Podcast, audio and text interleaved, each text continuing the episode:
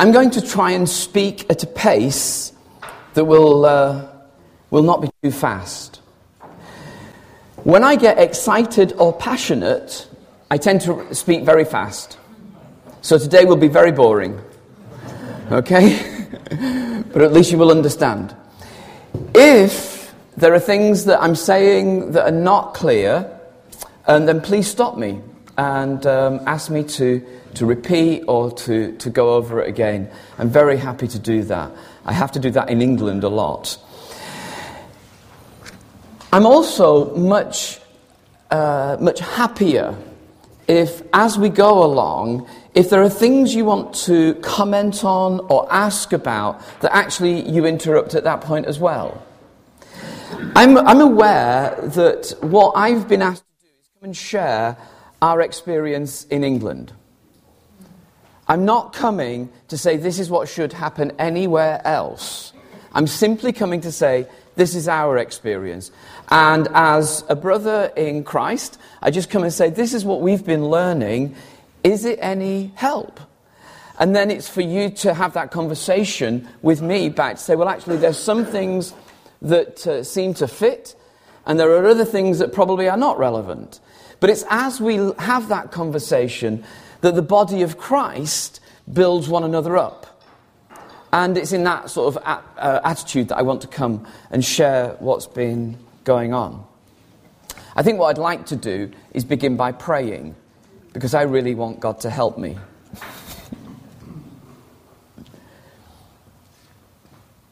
Whenever someone comes from outside, they come into the middle of a story that God's been doing with you.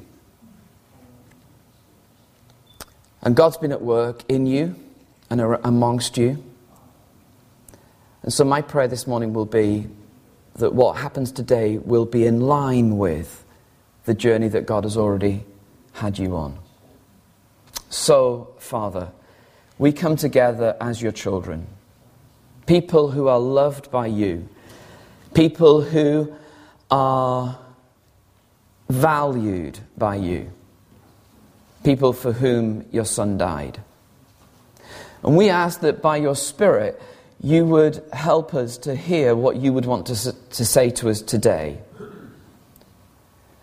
Lord, I pray that as I speak, you'll help me to be clear. And as we listen together and to one another, we might be aware of your voice. So, Lord, open our ears, we pray, that we might hear you speak. Thank you for all that you are doing amongst us. And we pray for your blessing in the name of Jesus and for his sake. Amen. Amen. As uh, Berger introduced me, I work for a group called the London Institute of Contemporary Christianity. This was uh, a group that was started by John Stott, as uh, was explained. And um, uh, what I'm going to do is we're just going to take a moment because we have some notes that we can distribute. And um, some of the, the, the, key slides will be on your notes. So if there is a quotation, it's on your notes. If there are things that uh, are key slides, they're already there um, so that you don't have to write down too much. But some of the other slides won't be there.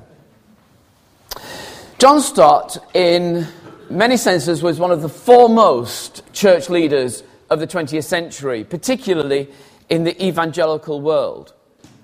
And he had two concerns. His first concern was that many people would hear and receive the good news of the gospel of Jesus.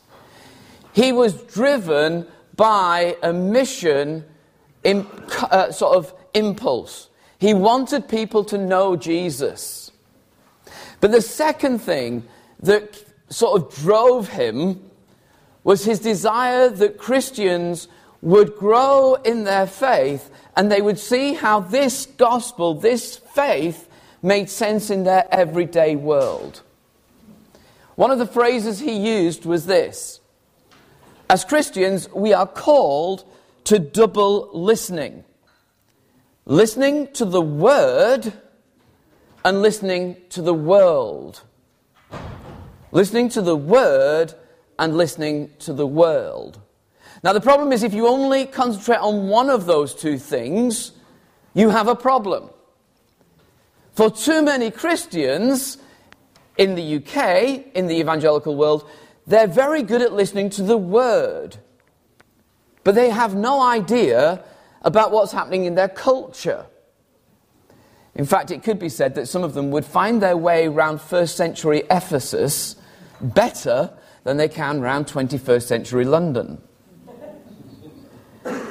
Because what they've been taught in church is very good on Ephesus or Rome, but actually doesn't really help them with the reality of the culture in which they live today. But if you only listen to the world, then all that will happen is that you will keep on wanting to be relevant. And actually, your search for relevance will begin to downplay the bits of the Bible that people find difficult. And so, what you do is you mold the faith into something that is manageable. In one sense, we don't need to be relevant in one sense, what we need to do is point to a bigger truth, a better truth. The truth that God is with us. Well, John Stott, 30 years ago, began this institution called the London Institute of Contemporary Christianity. And he began it because he wanted to help Christians do that work. And uh, I've been working with them for five years. This is my sixth year uh, that I've been working with them. Let me just explain a little bit about myself. For 10 years, I was a full time paid pastor of a local church. I live in Manchester. We have a football team that you might be aware of. yes, but we don't talk about the other one.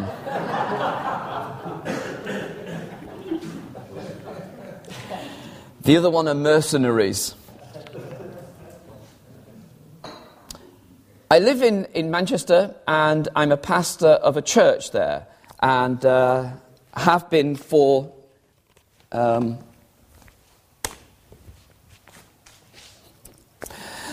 and have been uh, for a long period of time. For 10 years, I was the full time pastor there. And then for 11 years, I worked in a theological college. And then for the last five years, I've worked for LICC. But during that time, for a period, I was the full time pastor. But during the rest of that time, the next 16 years, I was always working in the church part time. And I still do. The reason I tell you this is because, in a sense, I come to you as a fellow pastor, not as a trainer. I come as someone who's trying to do this work of seeing people grow mature in faith, ordinary people in ordinary places, places like Manchester. So I come as a fellow church leader trying to do the work.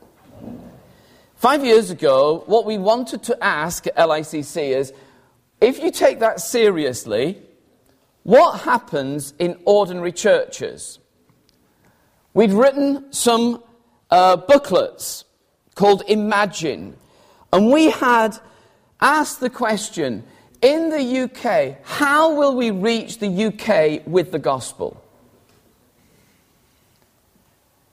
On the whole, in the UK, people increasingly have not rejected Christianity because they've tried it, they have simply ignored it.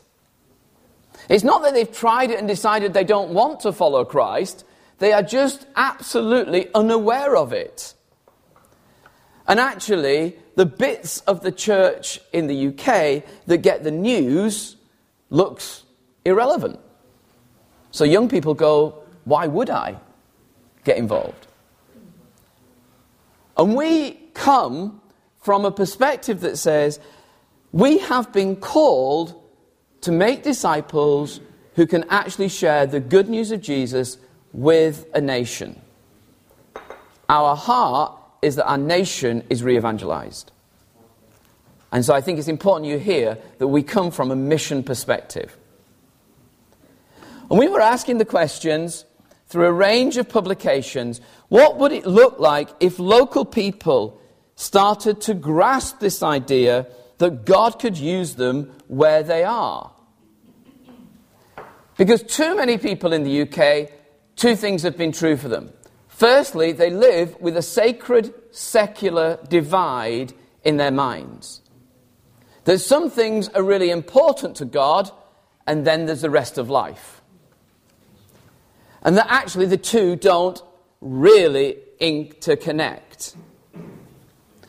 You see it in church sometimes, and if you're a church leader, this may have happened to you. At the end of a service, or when you see people, people say, Well, that was lovely, thank you very much. That was, that was, they shake your hand, say, Thank you for the sermon, thank you, that was lovely. That was very nice. And then they will use the killer words. But in the real world, it's not like that, is it? This idea that in church space, you can talk about certain things, but in the real world, it's not like that. As though God is interested in some parts of life, but the rest he just lets you get on with. And that in the UK is a big, big issue. And I'll come back to that later. But the second thing in the UK is that on the whole, most people have not been helped to grow in Christ, to become disciples of Jesus in a way that actually has helped them change their understanding of their whole world. On the whole, in the UK, what's happened is that people have been given the impression that you grow mature as a disciple, you grow mature as a Christian just by hanging around church stuff. Come on a Sunday, go to a small group, get involved in the children's work, and you'll grow. And on the whole, that's not necessarily true. Put those two things together, and add into the mix the fact that too many church leaders feel that their job is to keep the show on the road. Just can we keep it going? And actually, you've got a, a recipe for people who are not growing as disciples and for people who are not confident that actually their faith can make a difference in the world where they are. So I was asked to work with ordinary churches to ask those sorts of questions. What would it look like if actually your church was able to take this seriously? And I worked from churches across our country, uh, from small churches in villages to large churches in the cities. I worked with Nigerian churches and Chinese churches and emerging churches and state church and Baptist church and oh, a range. Because what I wanted to find was not a program that we could sell to people, though I think my finance director would have preferred that. what we wanted to find was a process. In England, it may be true here in England, if you want to, if you ask me, can you tell, take me to a church where they have very good preaching? I could take you to many churches. If you ask me, take me to a church where there's very good worship, I could take you to some outstanding churches. Some churches that are doing very good social action work, there are many.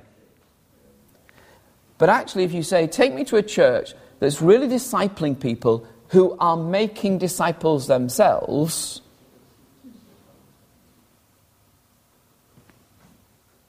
and there's very few places that people would go with confidence, we could take you.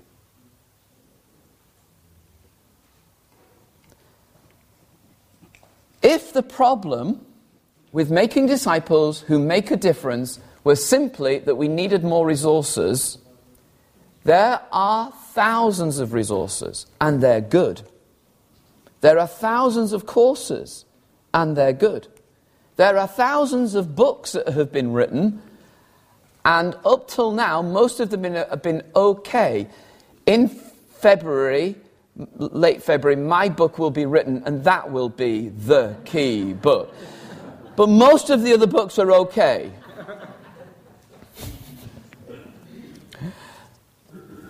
It's not that we need another program. What we need is a new culture. And what I want to speak with you today and test with you, really, and debate with you and discuss with you is how do we get a new church culture? Because in the UK, that's the problem we have. It's the church culture, it's not a lack of a program. LICC, those are some of my colleagues who helped me. So, let me take us to my first session. What's the vision of a disciple making church? Over the last 10 years or so, in Christian circles, there's been much conversation about three aspects of church life. How do we do mission? What should church look like? And what will discipleship look like? And there's been much that's been helpful. But the difficulty is, that the danger is, if you decide just to go for one of those three and you don't hold the three together,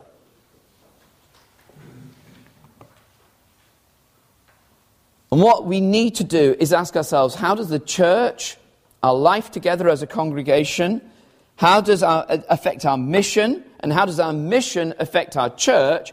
And how does our mission and our church affect how we disciple people? How we help them grow into maturity?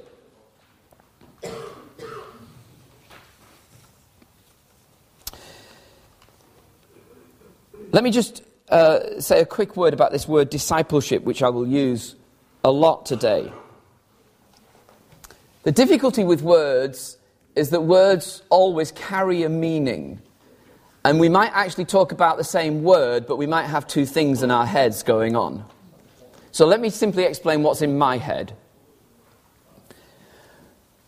In England, the difficulty is when you use the word a Christian, lots of people would say they're Christians who have no belief in the resurrection of Jesus no active obedience to Jesus It's kind of like a label they use when they go to hospital. I guess so if they, if they die, they get the right person. I don't know.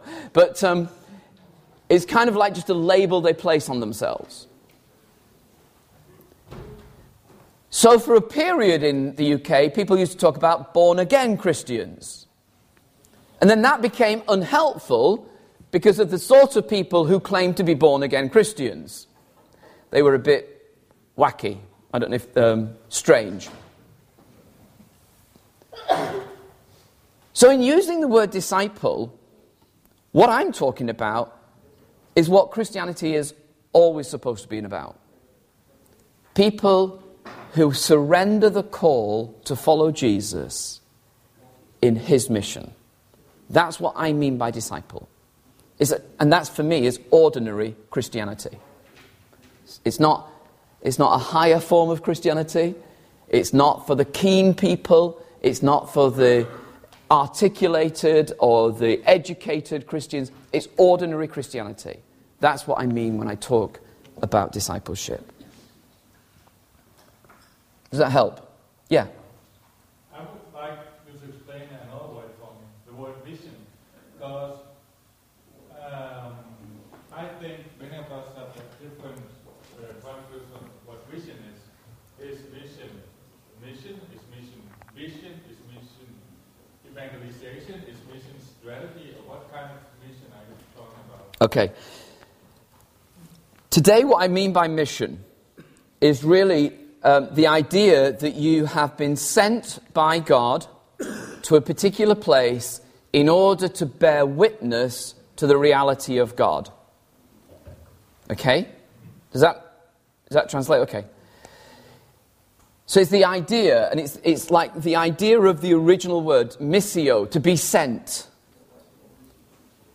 Now, in uh, many churches, mission traditionally only referred to overseas mission. And they were very, they were sort of like, they were at the top of God's career ladder, you know? Uh, when I was a child, the, the sort of the, the, the, the best people in the church were overseas missionaries who lived by faith and newsletters. they, were the, they were the real top of the pile of God's career. And then there were uh, pastors and, and preachers and teachers and youth workers. And when I was a child, there was the rest. Nowadays, we've included teachers and health workers in that, and then there's the rest. So if you're a, uh, an overseas missionary, or you're a pastor or a teacher, a, a pastor in a church, or if you're a teacher in a school, or if you're a health worker, God can use you. If you work at Lidl or Netto, probably not. And one of the things that I, we feel absolutely strongly about is that you have been called to be a follower of Jesus, and Jesus wants to use you in the places where you already are to make a difference. And for some people, from your congregation, the people who you were with on Sunday morning, at half past ten on a Thursday morning, that's their place of mission. That's their place of mission. And in a sense, what I'm doing today is asking the question how does our life together equip them for that place? Now, we'll unpack all of that, but I, I, thank you for your question because it's a helpful question to make. Is there any other words that I've used thus far that I need to just explore with you? Church, do you want me to do that? okay, but that's really helpful, thank you. Really helpful. Really helpful. So that's why we're here. John Stott recently died. And um, in his last book, he was reflecting on what has it all been about? What are we trying to create? And this is what he wrote I want to share with you where my mind has come to rest as I approach the end of my pilgrimage on earth. And it is God wants his people to become like Christ. Christ likeness is the will of God for the people of God. We are to be like Christ in his mission. As Christ has entered our world, so we are to enter other people's worlds. Now, I have to confess to you, nothing I say to you this morning or today will be new. In fact, some of it will sound very old fashioned. For someone who works for a group called the London Institute of Contemporary Christianity, then actually this is not new. Because we don't need a whole stack of new things. What we need to do is reclaim the old. And so when I put up a slide like that from an old man who's been following Jesus for 60 or 70 years, and he says the goal is that we become Christ like, the danger is that all of us go, yeah, yeah, yeah. Yeah, yeah, yeah. But actually, what I need to realize is that that's what we're all about. The problem is that in my own story, I came from, I, I grew up in a holiness tradition. That's my background a pietistic holiness tradition. It was very easy to know what being Christ like looked like when I was a child. It meant you didn't go to the pictures. Because, the, because they used to say, What would you do if Jesus returned and you were in the pictures? I think the answer was, well, I would come out. Christ likeness, when I was growing up, meant I didn't play football on a Sunday. Didn't play anything on a Sunday. In fact, I remember as a young child looking out of the window on a very sunny Sunday afternoon, thinking, God, if you love me, why is it so sunny on a day that I can't go out and play? It was my earliest uh, struggles with the unfairness of God. If you were a woman, Christlikeness was very easy. It meant you didn't wear lipstick. In England, it meant you didn't look attractive.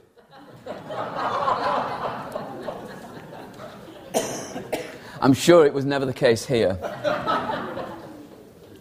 In other words, Christlikeness in my holiness tradition was always what you didn't do, where you didn't go, what you weren't allowed to be involved with. And actually, ultimately, Christlikeness was a rejection of the world. And certainly a rejection of being involved in the world. And for any people who've been brought up in that, actually what happens is you rebel against that. And perhaps rightly so. But the danger is that it taints the word Christlikeness because it feels that that word is too narrow, it's too restricting. But actually, what John Stott was wanting to remind us is being like Christ means that you're like him in his mission. And the thing about Jesus, and I'm telling you all what you know, is Jesus kept on being so difficult because he went to places that he wasn't supposed to go. He met people he wasn't supposed to be with. And he told people good news when all the religious people thought they only ought to have bad news told to them.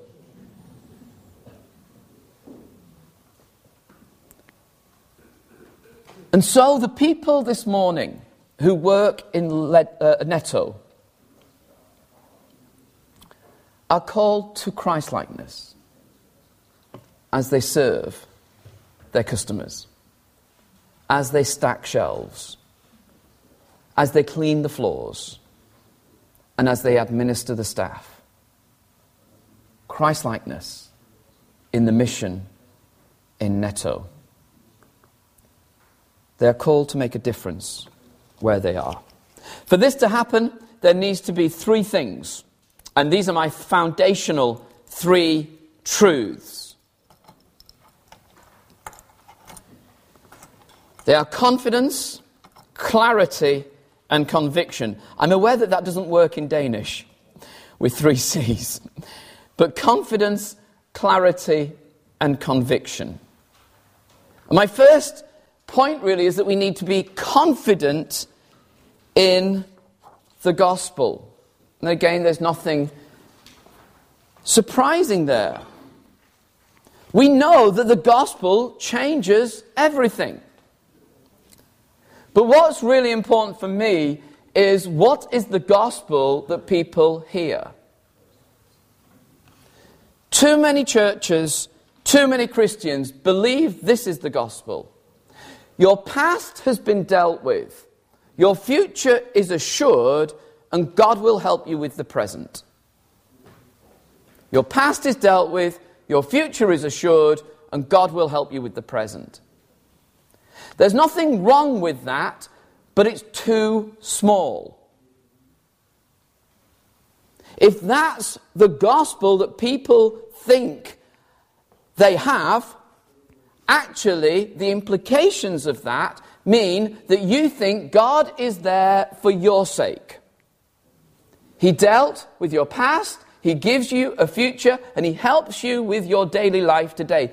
God essentially is the one you call on to help you get through your life. That doesn't seem to be the gospel of the New Testament. The gospel of the New Testament seems to be more like this that you surrender to Jesus as Lord and he enrolls you on his cause. And then he sends you in order to bear witness to the new life in the kingdom, and that means that sometimes things will be difficult. It's not that somehow God is able to be enlisted simply for your ends, it's that you're enlisted for His ends. One of the things that I've thought about a lot over the last year or so what made it so possible for first century Christians to be willing to be persecuted, to lose property, and ultimately for some of them to lose their lives for the sake of this gospel? What did they have that we don't? What did they have that we don't?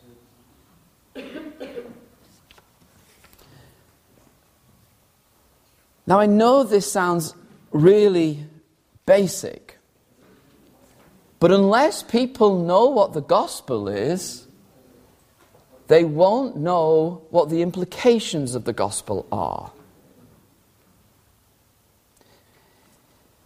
I've seen too many people in my own church give up on faith because it, quote unquote, hasn't worked. It hasn't worked. And if you ask them, what hasn't worked? They will say, but look, my life is so difficult. I thought God was going to help me. I thought God was going to sort out my life. I thought God was going to make a difference. And He hasn't. So therefore, I'll go my own way. And it's very difficult if people have come in on that contract to then try and change it halfway through. Because, in a sense, they've received the good news on one basis, and then they get inside, and you go, right, folks, I need to explain that the deal was not quite as it was explained.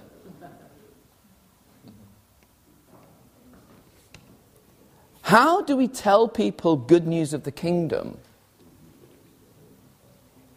Is really the question how come when Jesus pointed to people, men and women in the first century, and said, Follow me, why did they go after him?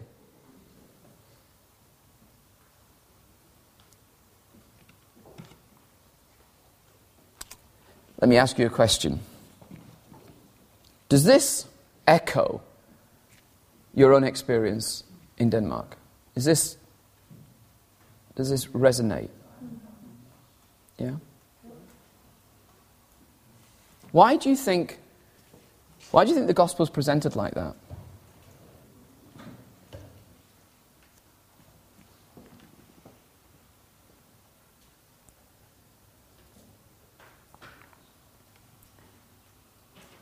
The way this, hap- this, by the way, the way this works is I ask a question and then just wait until you, you respond. I'm, I'm, I'm here till Sunday. Um, yeah. Yeah.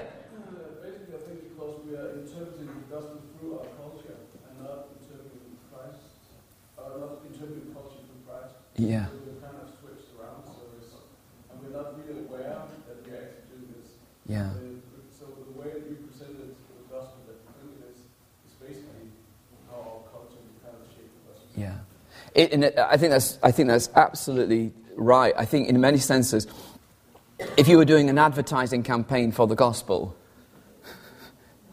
you would say, you know, God will help you get everything else that every other advertising agency along the, the street is also promising. Do you want to be healthier? Do you want to be richer? Do you want to be more comfortable? Do you want to have more purpose? Do you want to be more fulfilled? Do you want to have more happiness? Do you want to have more friends? Come and know God. Uh, when I was a young pastor, um, I, you know, I did evangelism like this. We, we, you know, there was once when we designed some literature, and essentially we said to people, Are you lonely, depressed? Are you uh, without friends? Are you sad? Are you, uh, you know, just having a hard time in life? Come and join us.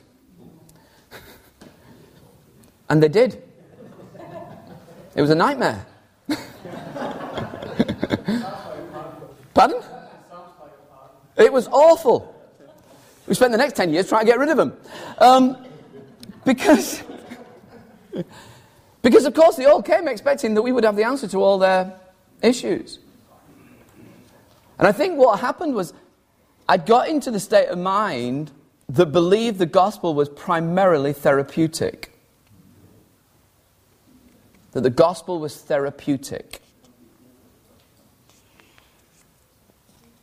Not a call for the kingdom. And it's easier to sell a therapeutic gospel.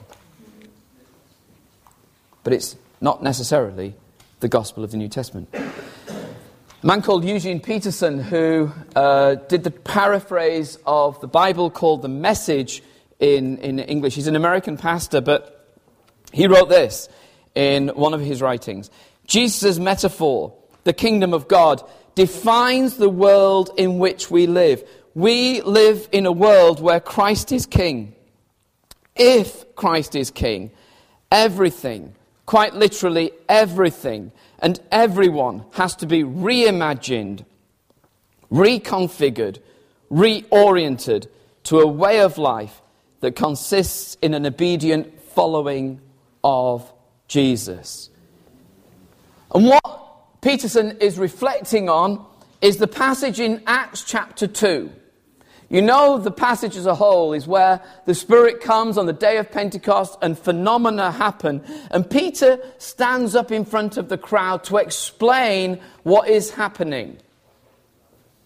And the climax of his sermon is in chapter 2, verse 36, when he says, This God raised, Je- God raised this Jesus whom you crucified to be both Lord and Christ of all.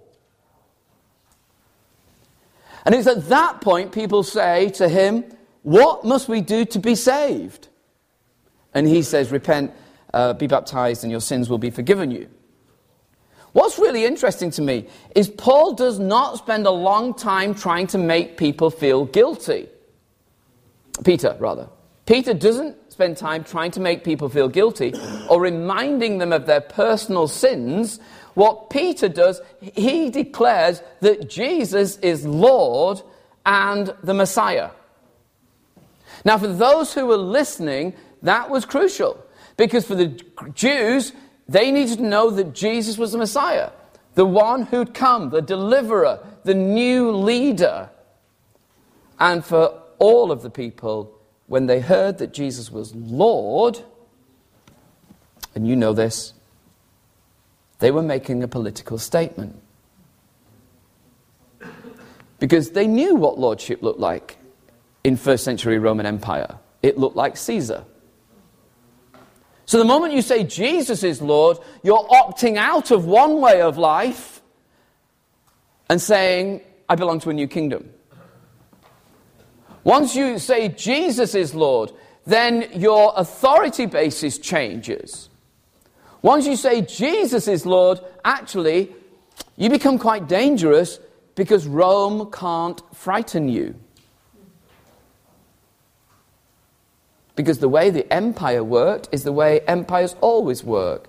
They want to close down the prophets, they want to close down the people who disagree with the way things are around here and silence them.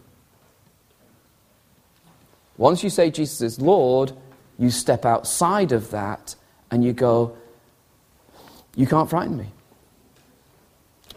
There's a picture I, I, am really very fond of, and it's this picture. I, I, can you see that from there? It's a, a church in London. And uh, at one time, this church building is about, I don't know, 300 years old or so. At one time, that church building would have been the largest building in the area. And you can see what's happened around it. You have this glass, we call that uh, the gherkin. Does that translate? You know that? A gherkin is simply because it looks like a gherkin. Um, I'll give you time just to explain. Those of you that know what a gherkin is can explain to people who don't know what a gherkin is.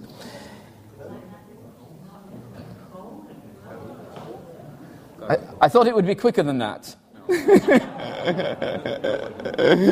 okay.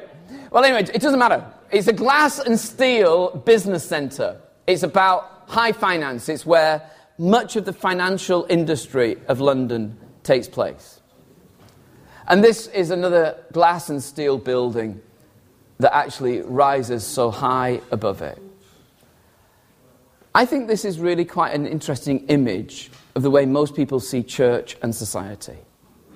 It's quite interesting that, firstly, they didn't knock it down. And you don't knock down churches like this because they're beautiful. You don't knock them down because actually they have architectural value. The reason you don't knock them down is not because you think they're vitally relevant, it's because they're beautiful. And their beauty is about the past. People who go into that church might actually value it because it's a place of peace. It's a quiet place. It's a retreat. It gets you away from the busyness of finance. It's an oasis. But where's the real power of the world? Who really rules London? Who's really making the decisions that matter? Well, most people would have no doubt. And it wouldn't be in the building that's 300 years old. And so it's no surprise for worshippers in that church when they come out on a Sunday morning and look around for them to think, well, actually, we've done something that's really nice, and it's about escape, and it's about personal, and it's about private, and it's about me having some relaxation, but it's not really directly relevant to the office where I work Monday through Friday. Many Christians in the UK feel that we are being marginalised, pushed to the side. But actually, we've normally been at our best at times like that. Can you imagine being a Christian in Rome? Can you imagine being one of the early Christians who received the letter that Paul, your apostle, wrote to you? You're a citizen of the greatest empire in the world, and it is remarkably brilliant. Even now, when you go to Rome, you look round these old sort of fragments of a civilization from all those years ago, and it is absolutely fantastic. You're not quite sure about Italians today who give up their jobs as England managers with the, the, European Cup just on the horizon. However, you recognize that Italians in the past did a good job.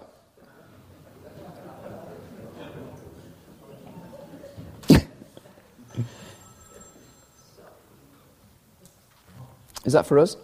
No, it's okay. You're a citizen of the greatest empire in the world. And people in Rome might ask you, so how did your religion begin? And you would talk about a man called Jesus. And they would say, well, where is this man, Jesus? And you would have to say, well, actually, you crucified him. But we believe he rose from the dead. Now, please don't misunderstand first century people. They were not stupid. They knew that dead people did not rise from the dead. So they would ask you, so if this man has risen from the dead, where is he now? Well, he's ascended to heaven. Well, that's handy. And then they might say, Well, have you seen him? And you would have to admit, no, I haven't seen him. But I know there are people who, who have. Where are those people? Well, they're in a very small province in an outer part of the empire called Judea. It's a long way to go. You probably wouldn't ever meet them. So now they might say to you in Rome, So, can you take us to your primary leader now? And you would say, Well, yes, I could actually, because you've imprisoned him. His name's Paul. So here you are, in the greatest city, in the greatest empire in the world, and you are testifying to the resurrection of a criminal who has been executed by the powers of the empire who have now captured your leader. That's a very easy place to do evangelism, isn't it? yeah? Oh, and by the way, should you begin to share this good news, we will, of course, arrest you. We will, of course, arrest you. And in time, maniacs who are in charge of the empire may actually uh, kill you, and kill you in the most horrific ways. In fact, you know the story of Nero and the Christians in the gardens, lit their bodies so that he would have light in his garden. Would you like to share this with your neighbors and encourage them to follow this Jesus?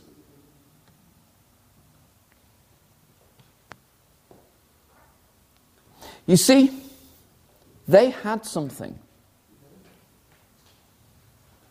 They had something. Their hearts had been gripped by a truth that said, This empire is not the be all and end all. They were gripped by a bigger truth.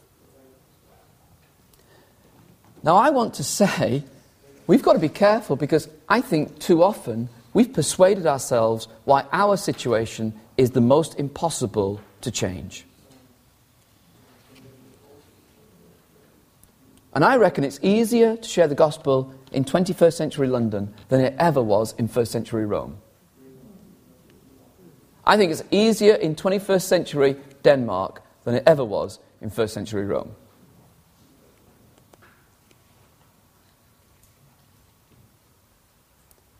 But the danger is, what's happened is that we have a private faith.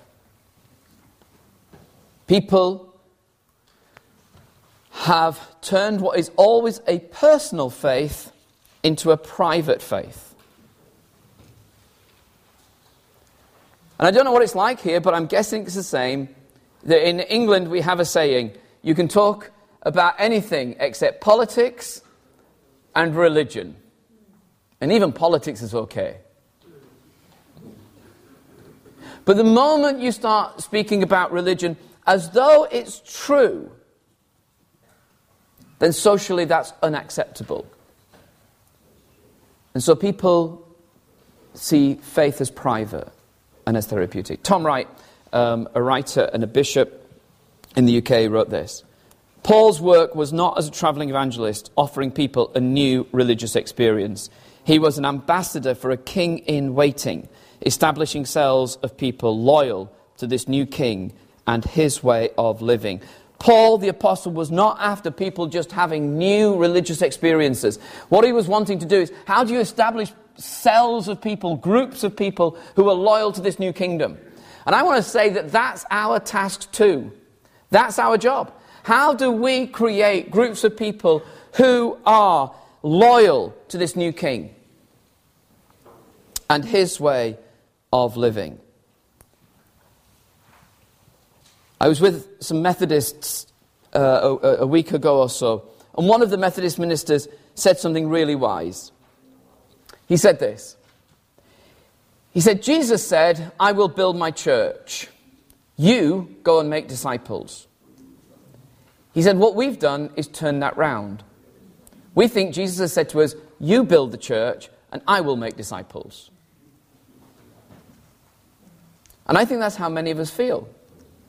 That actually, if you've got responsibility for a church, it's your job to build the church. And Jesus, well, he'll just have to sort out the disciple bit. But actually, Jesus said it the other way around.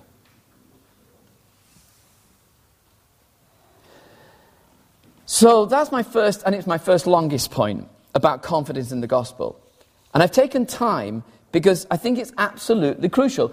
If you're not clear, the gospel, if people are not clear in what they have received in the gospel, they have very little to share. If they're not convinced that what God has done is taken them and enrolled them on His cause for the sake of His kingdom, then actually they always will be private.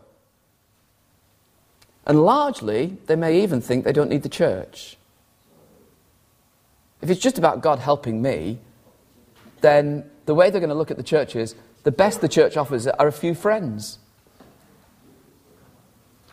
So it's a social outlet.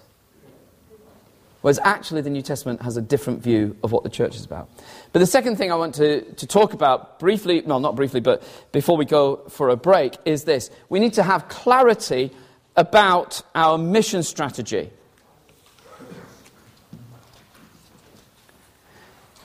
In the West, we have two strategies largely for mission, and this is the first.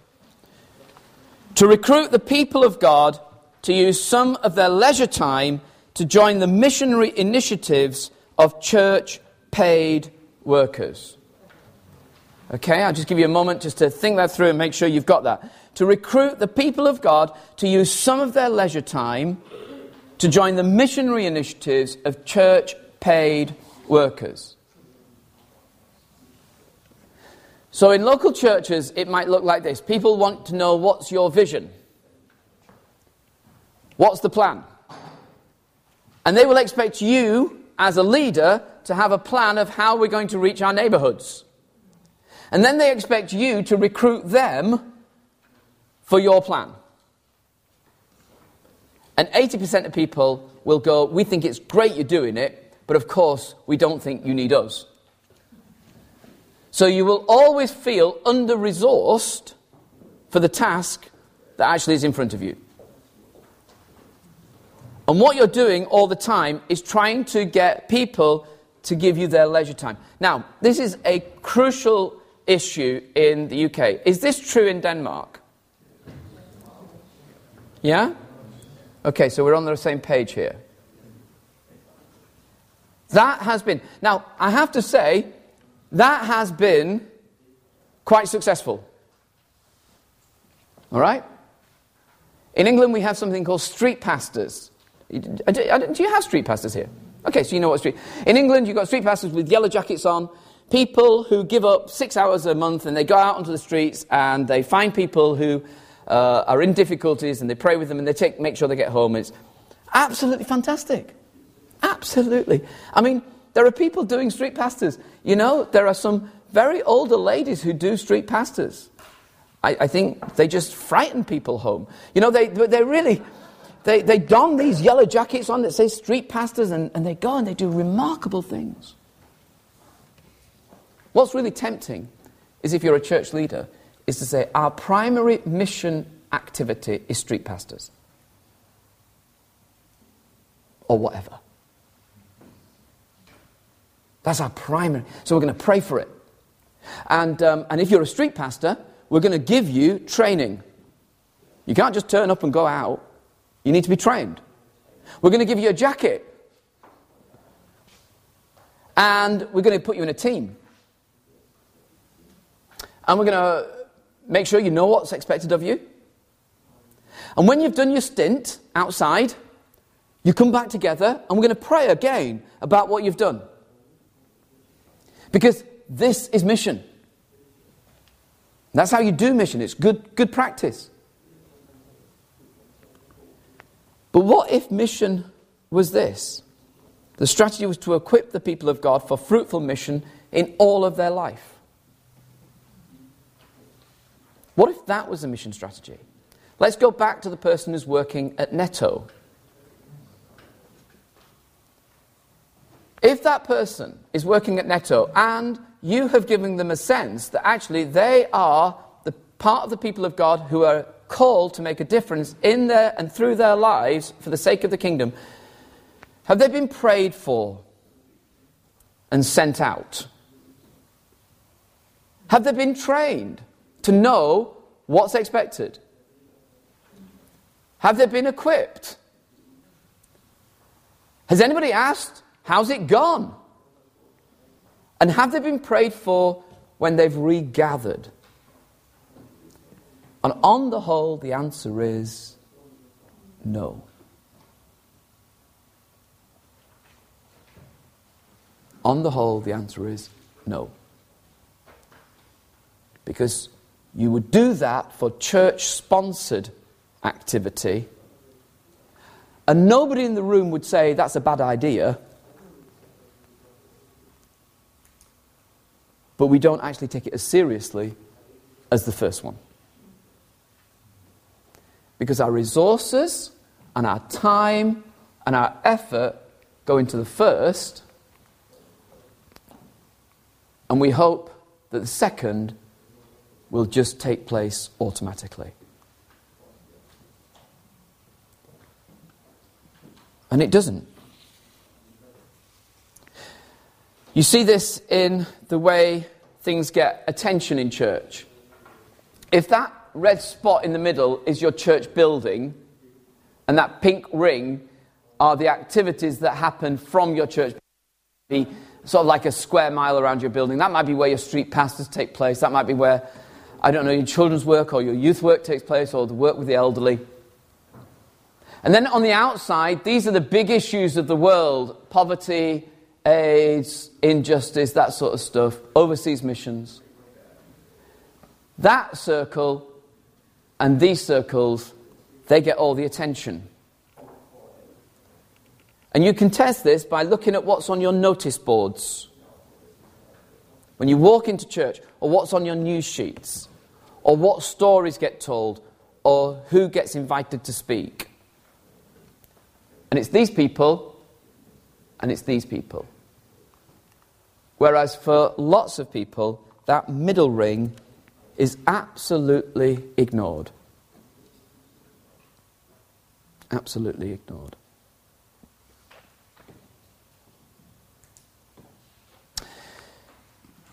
We need to have confidence in the bigger gospel, and we need a clarity about our mission. And the reason this is going to become quite important in terms of our disciple making will become clear after we've had coffee, which someone has said is probably the most important thing that Danish people ever do. That's what I was told yesterday. So um, I think we're going to break and we're going to come back at 10 minutes. Quarter past 11. Quarter past 11. So you don't get time, much time. So um, you have to go quick.